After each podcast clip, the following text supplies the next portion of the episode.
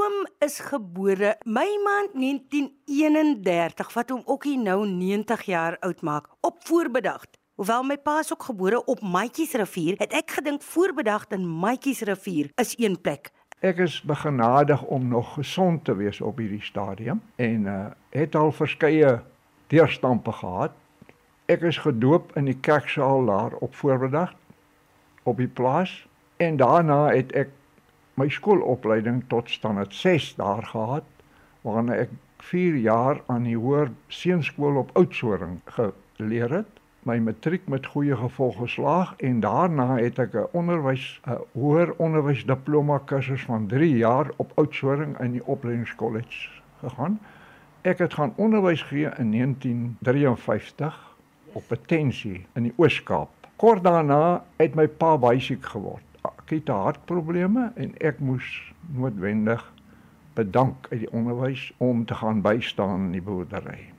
Waarmee het oom se pa geboer Deschare wat ook toe nou moes vinnig leer oor die boerdery? Die boerdery het 'n depressie tyd deurgemaak. Van 1926 was die depressie op sy diepste en hulle boerdery was maar tabak. En onder baie moeilike omstandighede het die Kango Koöperatiewe Tabakmaatskappy in 1926 tot stand gebring wat 'n beter bedeling vir die tabakboere van Oudtshoorn gebring het. In die oorlogstyd het dit goed gegaan want tabak was groot in aanvraag. Witvere was groot in aanvraag want die mense het weer meer in weelde geleef na die oorlog. Tot die volstrys ook 'n hoogtepunt bereik het en my ouers het maar met tabak geboer. Maar hulle was uit die ou tyd van die volstrysbedryf was hulle volstrysboere. My pa het die volstrysboerdery geken. Ek het by hom maar kers opgesteek en met sy, ek wil dit so stel, met sy bekwaamhede daarin. En later het volstrysboerdery eintlik die hoofitem van my gemengde boerdery gespeel. Gemengde boerdery was volstrysboerdery, vere, slagvoëls en aanteelkykens. Die voordeel van volstruisboerdery is dat jy 'n gereelde kontantvloei gehad het. Jy kykens gebroei met die gevolg dat ek my toegelê het om 'n suksesvolle 'n teeler van volstruisvere en slagvoëls geword het. Oom, ek was hierdie naweek op eh, die plaas wat oom eers besit het, Swartberg Country Manor. Ek weet nie wat oom hulle dit genoem het in daai tyd nie. Ek gaan nou-nou hoor. Ja. Maar ek wil graag hoor, daar het ek toe nou 'n storie gehoor dat oom op 14 hè, voor skool 'n vuurtjie gemaak het. Was dit om oom se hande warm te hou of wat was die storie daar? Ja, ja, ja, ja. Ja, die grootword daar op voormiddag was nie altyd so rooskleurig en maklik nie. Ons moes by die huis bly die ons ouers het gewoonlik Saterdag dorp toe gegaan vir inkopies en dan ons ons met die met die skape en die bokke en die kalwersveld toe gaan. En dit was oorlogstyd. Voor die oorlog het jy selde of ooit 'n vliegtyg gesien. En as die mense die lug ingestaar het vir 'n vliegtyg, dan kon ek dit nooit sien nie. Dit was te klein en te hoog. Maar toe het ons besluit ek en die veewagtertjies ons Saterdag gaan ons saam. Ons vat nou bok en skaap, alles wat ons het, vat ons saam na die laagste piek van die Rooiberge. Daarna kan jy Oudtshoorn mooi sien en hulle het vir my gesê ons moet Saterdag soheen toe gaan van die berg af sien jy die vliegtye wemel oor Oudtshoorn. Want op Oudtshoorn was die die vliegveld en die oefenveld van die Royal Air Force. Dit is die Engelandse lugmag. Die boeksak word vol brood gepak en agter die rug gehang en dan ons met die bokke en die skape voetpaadjie uit tot bo op die berg. Jy kom maar eers middag 12 uur daar. 1 uur moet jy alweer vertrek want vanaand is dit CJV vergadering en die kinders moet almal daar wees. Teen 1 uur se kant trek ons maar weer huis toe met alles om om nou vir ons moeilikheid op die halfstaal want ons het vandag te ver geloop met die vee beeste. In die winter was dit baie koud want die berg was gereeld wit van die sneeu. Ja. Die pieke was wit, nie alleen die pieke nie, maar hy tot by die skool op die plaas geval dikwels. Jy kan voel in die aand hoe bars jou bene van die kou in in vannag slaap jy nie te warm nie. Ons het 'n buitekamer gehad waar ons kinders geslaap het, die, die seuns en laasaan was die perdestal. Die perdestal en myle wat die ploeg getrek het bedags. En soos hulle vreet kou aan die mielieputte en skop teen die krib, dan is dit vir jou dis hier teen jou kop binne in die kamer waar jy slaap. Soggens 3uur kom die drywer van die die drywer en die touleier, dan moet ons opstaan, dan moet ons hulle gaan laat water sy by 'n nabygeleë dammetjie en weer word 'n krib reggemaak want dit is ploegtyd, dis saai tyd. So die kinderdae verloop. Ek was bevoorreg om die groot ou brein mense van die plaas ook te ontmoet saam met my paale. Eendag gery na ou neefie se plaas toe. Hy was 'n klein boer onder 'n maatjie se vuur. Hulle wou gaan riete kap en buitekant het het ouma Isabel vir ons koffie gebring. En ek onthou nog hoe sy vir ons in kommetjies koffie gebring het. Ek het gevra maar agterna maar waarom het hulle kommetjies gevat? Toe sê die ander breine mense maar weet meneer nie om 'n kommetjie koffie gesels jy beter. Hy word nie so warm nie. Hy koel hom af. So die ou mense het geweet hoe om te trakteer.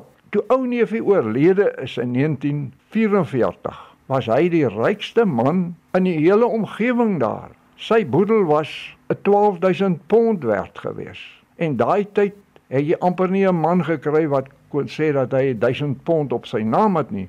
So erg was die die depressie nog in die oorlogstyd en na oorlogstyd. Daar was nie skool op voorbedag nie, ja. wel op Matjies rivier oom. Op Matjies rivier alleenlik was 'n skool, maar nie op voorbedag nie. Voorbedag se kinders Breinkinders het nooit gaan leer nie, miskien een. Dit was te ver om te loop 5, 6 km.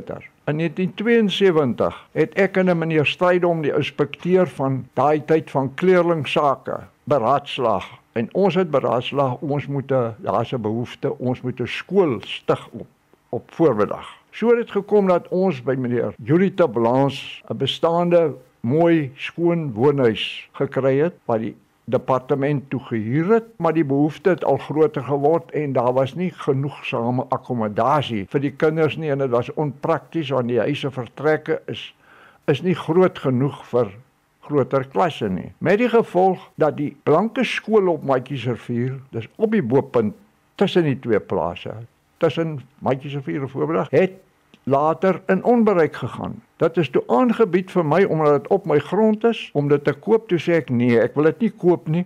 Ek wil dit hê vir ons breinmense se kinders want die wit kinders gaan nou almal dorpse skole toe. Ek het dit gelukkig die skoolraad my geken want ek was voorsitter van die vorige skool se beheerliggaam en hulle het vir my die skool gegee.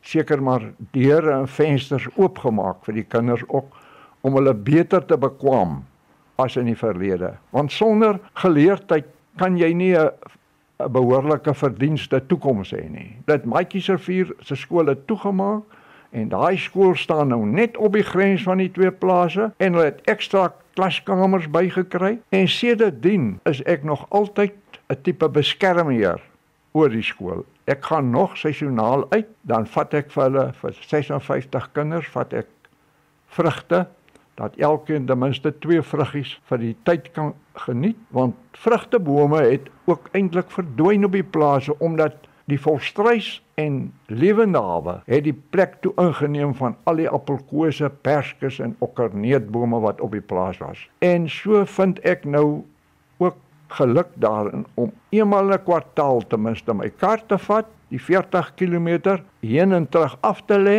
en te kom dag sê daar en dit in herinnering te roep dat dit my breinkind is wat ek aangeneem het.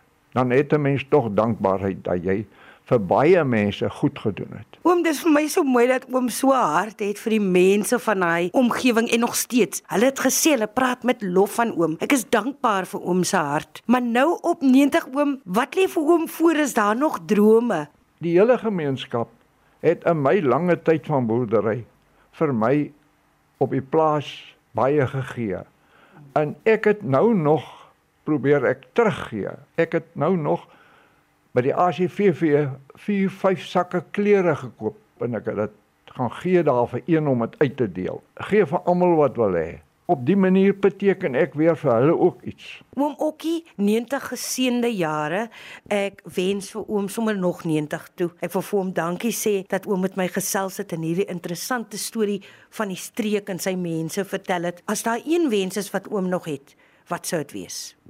Ek wil sê vandag as mense wat groot geword het hierso, gebly het, is my hartewens dat die boerdery en ook die die opvoedingslewe in Oudtshoorn. Die fasiliteite is hierso. Vat as voorbeeld die opleidingskolleges wat hier in Oudtshoorn was. Wat beide toegemaak is en ander geriewe wat van Oudtshoorn al weggevat is na die naburige dorpe. Dat dit weer herstel moet word in hierdie omgewing. Dat mense nie nodig het om 'n landverskywing of 'n dorpverskywing te maak nie, maar dat hier 'n toekoms is vir alle mense in Oudtshoorn distrik. En uh, 'n mens is dankbaar vir dag dat daar werk is vir die mense. Ek het een keer 'n groot man gehoor in 'n toespraak maak, 'n administrateur van Kaapland. Op sy reis op Oudtshoorn het hy deur die woongebiede gery. En dit het so indruk op hom gemaak die die swaar kry en armoede dat hy gesê het hy glo nie die Skepper het dit so bedoel dat sulke mense so met swaar kry en agterbly in die lewe nie. Dit het my nogal getref. So wil 'n mens graag hê dat skoolopleiding, skoolopvoeding en werkgeleenthede moet uitgebrei word na alle mense toe. En dit sou my gelukkig maak as almal genoeg het om van te leef.